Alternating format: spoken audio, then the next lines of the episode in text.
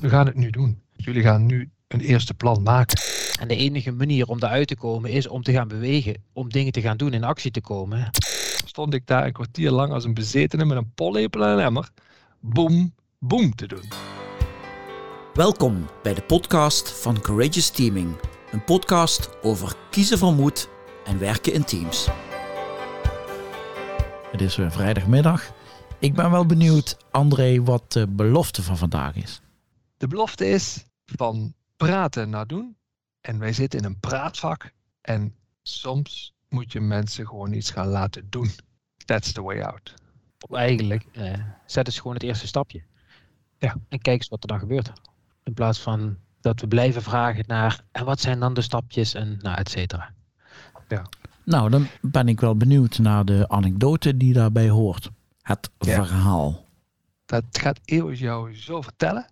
Dus dat zou ik hem willen verzoeken om jou dat te vertellen. En misschien is het wel goed in de context. Hè. We, Ewout en ik zijn natuurlijk allebei praters. Ons vak is praten.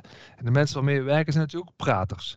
Want het is heel vaak eh, hoogopgeleide professionals. En eh, daar hadden we al een dag mee gepraat. En de anekdote die Ewout gaat vertellen is dag twee. En in de ochtend heeft Ewout letterlijk bij de hand genomen. En ging we iets anders doen dan praten.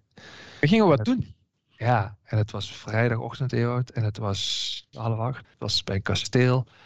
Wat had je bedacht? Eigenlijk, de kern was, hoe laat je mensen ervaren dat soms de way out is door gewoon een stapje te zetten. Te voelen, is dit het goede stapje en weer verder te gaan.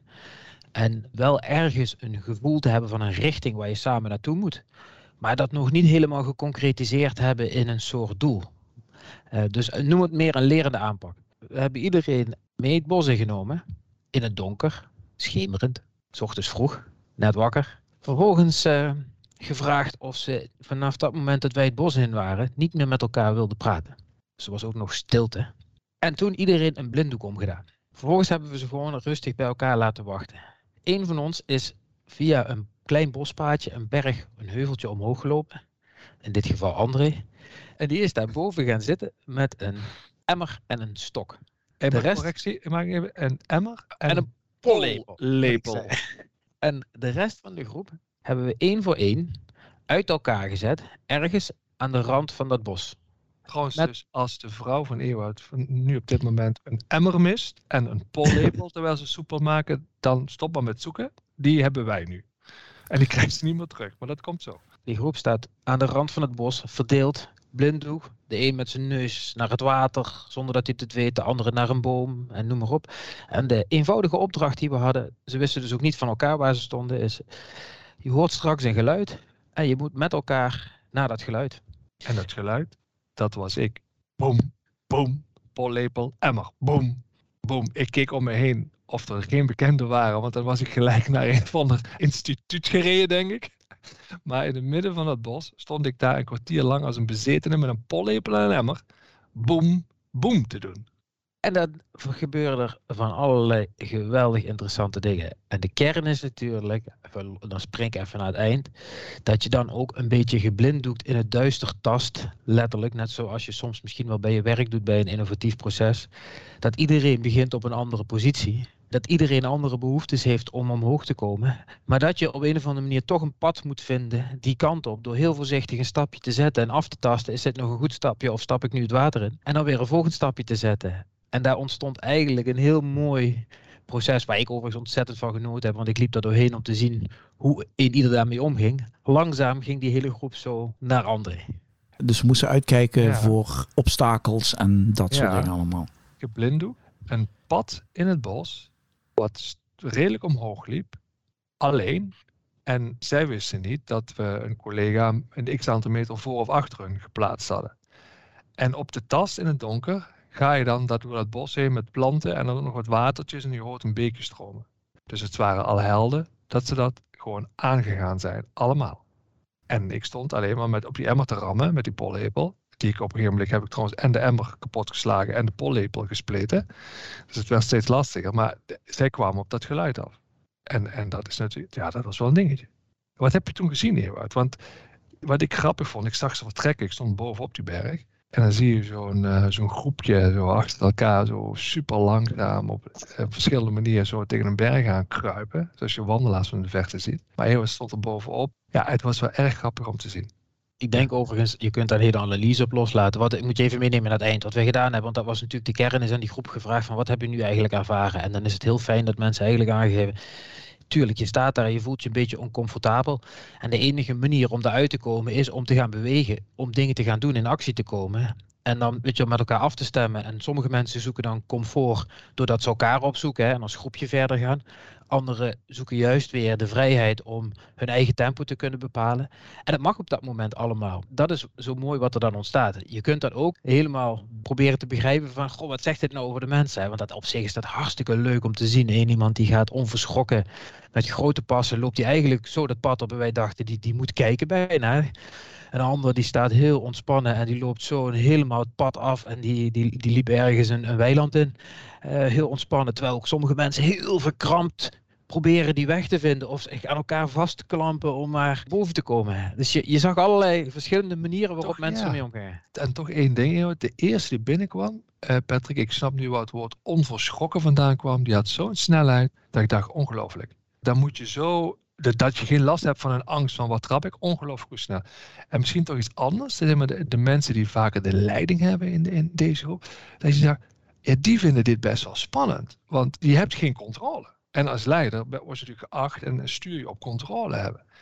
En dat die dat misschien wel weer een hele moeilijke oefening vond. Dus dat maakte het ook heel mooi dat je de verschillende kwaliteiten van teamleden zo aan bod ziet komen. Dat ieder daarmee zijn eigen worsteling heeft. Nu staat dit natuurlijk metaforisch voor een project waar je misschien ook niet altijd weet waar je naartoe gaat en waar je ook stapje voor stapje moet doen. Hebben zij dat zo gezien? Nou ja, deze organisatie zit in de innovatiebusiness. Dus die vinden het super spannend om gaat het lukken? En, en dat weet je dus niet. En het andere is ook van hoe ga je daar alleen mee om en hoe ga je daar samen mee om? Dus er was ook iemand die zocht een aantal teamleden op en die heeft ze letterlijk bij de hand genomen. Waarmee een aantal teamleden ook heel veel comfort kregen. En, dat was de manier om een groepje naar de berg op te helpen. Terwijl een ander uh, op een gegeven moment besloot, ik ga alleen verder. Want dit gaat me te langzaam of uh, ik voel me meer confident alleen. Dus ja, ik denk dat het heel goed de metafoor zagen van, uh, je weet niet precies het donker in hè. En je moet bovenkomen. En we doen op verschillende manieren. En iedereen kan daar zijn rol in spelen even om die metafoor. Wat ik er wel uithaalde, Patrick, dat was wel mooi. Als je dat nu zo zegt, reflectief. Dan komt André dadelijk met de tweede anekdote, want die was later op de middag. En ik denk dat deze ervaring daar wel van pas kwam. Ik denk, ja, het is wel gevallen. Maar het is dan nog geen vanzelfsprekendheid hoe je dat dan ook gaat toepassen vervolgens in je werk. Wat dat dan betekent, hè? gewoon stapjes gaan zetten. En toen dacht ik wel, in zo'n oefening zijn een paar dingen die zijn, weet je, die zijn aan de voorkant wel duidelijk gemaakt. Je hebt een soort geluid, noem het maar een richting waar je naartoe moet. Uh, we hadden tegen ze gezegd, uh, uh, je hoeft niet van het pad af. Dus het moment dat je merkt dat je in het gras of zo stapt of in de beek, dan weet je, ik ben verkeerd gestapt. Dan loop je een stapje terug en zo kon je je weg wel vinden. Dus we hadden wel wat van condities ingericht, waarbinnen je wist, nou zolang ik die maar hanteer, weet ik dat ik geen grote brokken ga maken, zeg maar.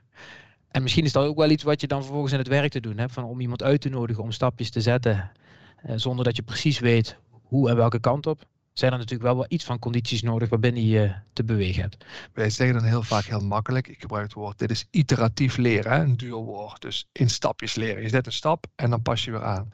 Maar als je mensen zo'n oefening laat doen, dan gaan ze pas echt ervaren wat het betekent, zo'n duur woord. En hoe spannend dat eigenlijk ook is, voor iedereen. En, en deze oefening die we dan deden, die komt dan uit ervaringsleren. Met dank aan ene meneer Per, die heeft ons dat uh, ooit een keer zelf laten ondergaan. Ja, om, om te ervaren. Om niet alleen maar te denken. Maar misschien is het goed, André, dat jij ons eens even meeneemt naar later op de middag. We hebben daarna na de lunch lang gedaan over we moeten gaan starten aan dit spannende avontuur. En, en, want we bleven heel lang praten over uh, wat gaan we dan doen en over heel veel onzekerheden die er nog zijn. Of we wel succesvol gaan zijn.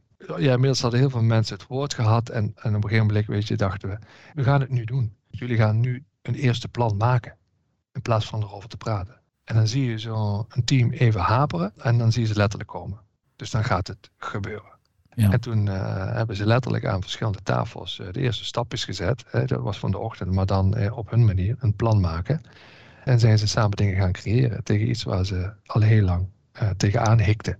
Maar heel veel mitsen en maren bij genoemd werden. En wat ik me dan afvraag, van hebben dan in die ochtend hebben ze dan die ervaring gehad van goh, kleine stapjes en je weet eigenlijk niet precies waar het naartoe gaat.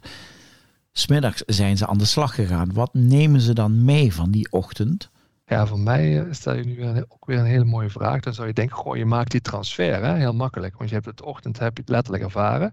Uh, dat is niet vanzelfsprekend, dus ook nu niet. Dan blijf je toch praten over je werk, hoogopgeleide cognitieve mens. En dan is het toch nodig in dit geval dat, dat begeleiders zeggen, jongens, we gaan nu beginnen. We stoppen met praten en we gaan het op papier zetten. En het is een eerste schets. En het is alleen nog maar een begin. Maar dan zijn we begonnen. En ja, dat is dan net even dat je gelukkig dan even een goede snaar raakt. Zodat we ja, ook op een uh, enigszins fijne manier kunnen eindigen. Waar we eerst de stapjes gezet hebben. Maar die transfer was nog niet logisch of evident, uh, Patrick. En die leiders, wat jullie zeiden in het begin van, je ziet ze normaal gesproken echt de leiding pakken. En ze ervaren dan dat als je niet heel erg veel kennis hebt van, hé, hey, waar gaat het naartoe? Hoe pakken die hun rol dan in de middag? Ja, ik had het idee bij dat in de, in, in de vergaderruimte voelt men zich dan confidenter nog dan buiten. Dat ze dat ook gewend zijn. En tegelijkertijd is dat natuurlijk weer een manier voor hun om controle te krijgen over wat we samen gaan doen. Het doet mij denken aan onze vorige podcast, Patrick. Kijk, dat is ook het moment voor ons. Wij zijn dan twee dagen op pad om eigenlijk, weet je, het, stap achteruit te zetten. En te kijken van, goh, wie pakt het nu op om gewoon aan de slag te gaan met elkaar? En dat gebeurde gelukkig. Dus zij pakte dat een stuk op met elkaar. Degene die op dat moment bij hun uh, nou, zich geroepen voelde om die wat meer leidingsrol te pakken. En toen ontstond er ook, weet je, met hier en daar een duwtje, ontstond er ook gewoon actie om dingen te gaan maken. En dat is wat er volgens mij wel gebeurde daar. En ergens hoop ik gewoon stiekem dat met dit soort dingen, weet je, dat zo'n transfer van zo'n ervaring in de ochtend, dat dat ook nog een beetje komt. Dat je jezelf nog eens de vraag stelt, van, wat hebben we nou eigenlijk gedaan? Dat is wel interessant. En we hebben daar helemaal niet gediscussieerd over hoe ziet die route er nou uit. Precies, hoe ziet dit bos er nu uit? Welk pad moeten we dan bewandelen? Wat wordt er dan voor mij gevraagd? Maar je bent gewoon gaan lopen en je kwam een collega tegen en daar liep je verder mee. En je tastte af. En als je gas begon te voelen, dan dacht je, hé, hey, dit is de verkeerde kant op. Laten we teruglopen en weer verder gaan. Totdat ja. we allemaal boven zijn. En een collega zei ook wel eens, weet je, dat zijn van die dieptebommetjes. Hè? Dus je, je laat mensen iets ervaren. En dan heeft het ook soms wat tijd nodig. En denk je, goh, dit heeft geen effect. Maar pas een tijdje later zie je de rimpels op het water van een dieptebommetje. En zo werkt het ook bij mensen misschien. Dat je ook even de tijd moet geven dat, uh, dat zoiets inzinkt en indaalt. Ja, en dan al is het maar dat je straks als een project ergens tegenaan loopt, dat je ook kunt denken, hé, hey, dat is oké. We moeten gewoon weer terug naar het pad. Ja. Mooi man. Dat is misschien wel de allermooiste afzet. Dat, dat je dat gunt. Hé, hey, dat is prima. Even terug naar het pad. Waar waren we? En weer even verder. Andere ja. stappen. En dat je ook daar dus van leert. En, uh, en terug naar het geluid. Weet je wel, we zijn toen ook samen bovenop die berg geraakt. De emmer en de pollepel. Maar zij hebben zelf een soort uh, gedicht gemaakt. En dat is voor hun het geluid waar ze op afgaan. Om te zorgen dat ze uh, op koers blijven.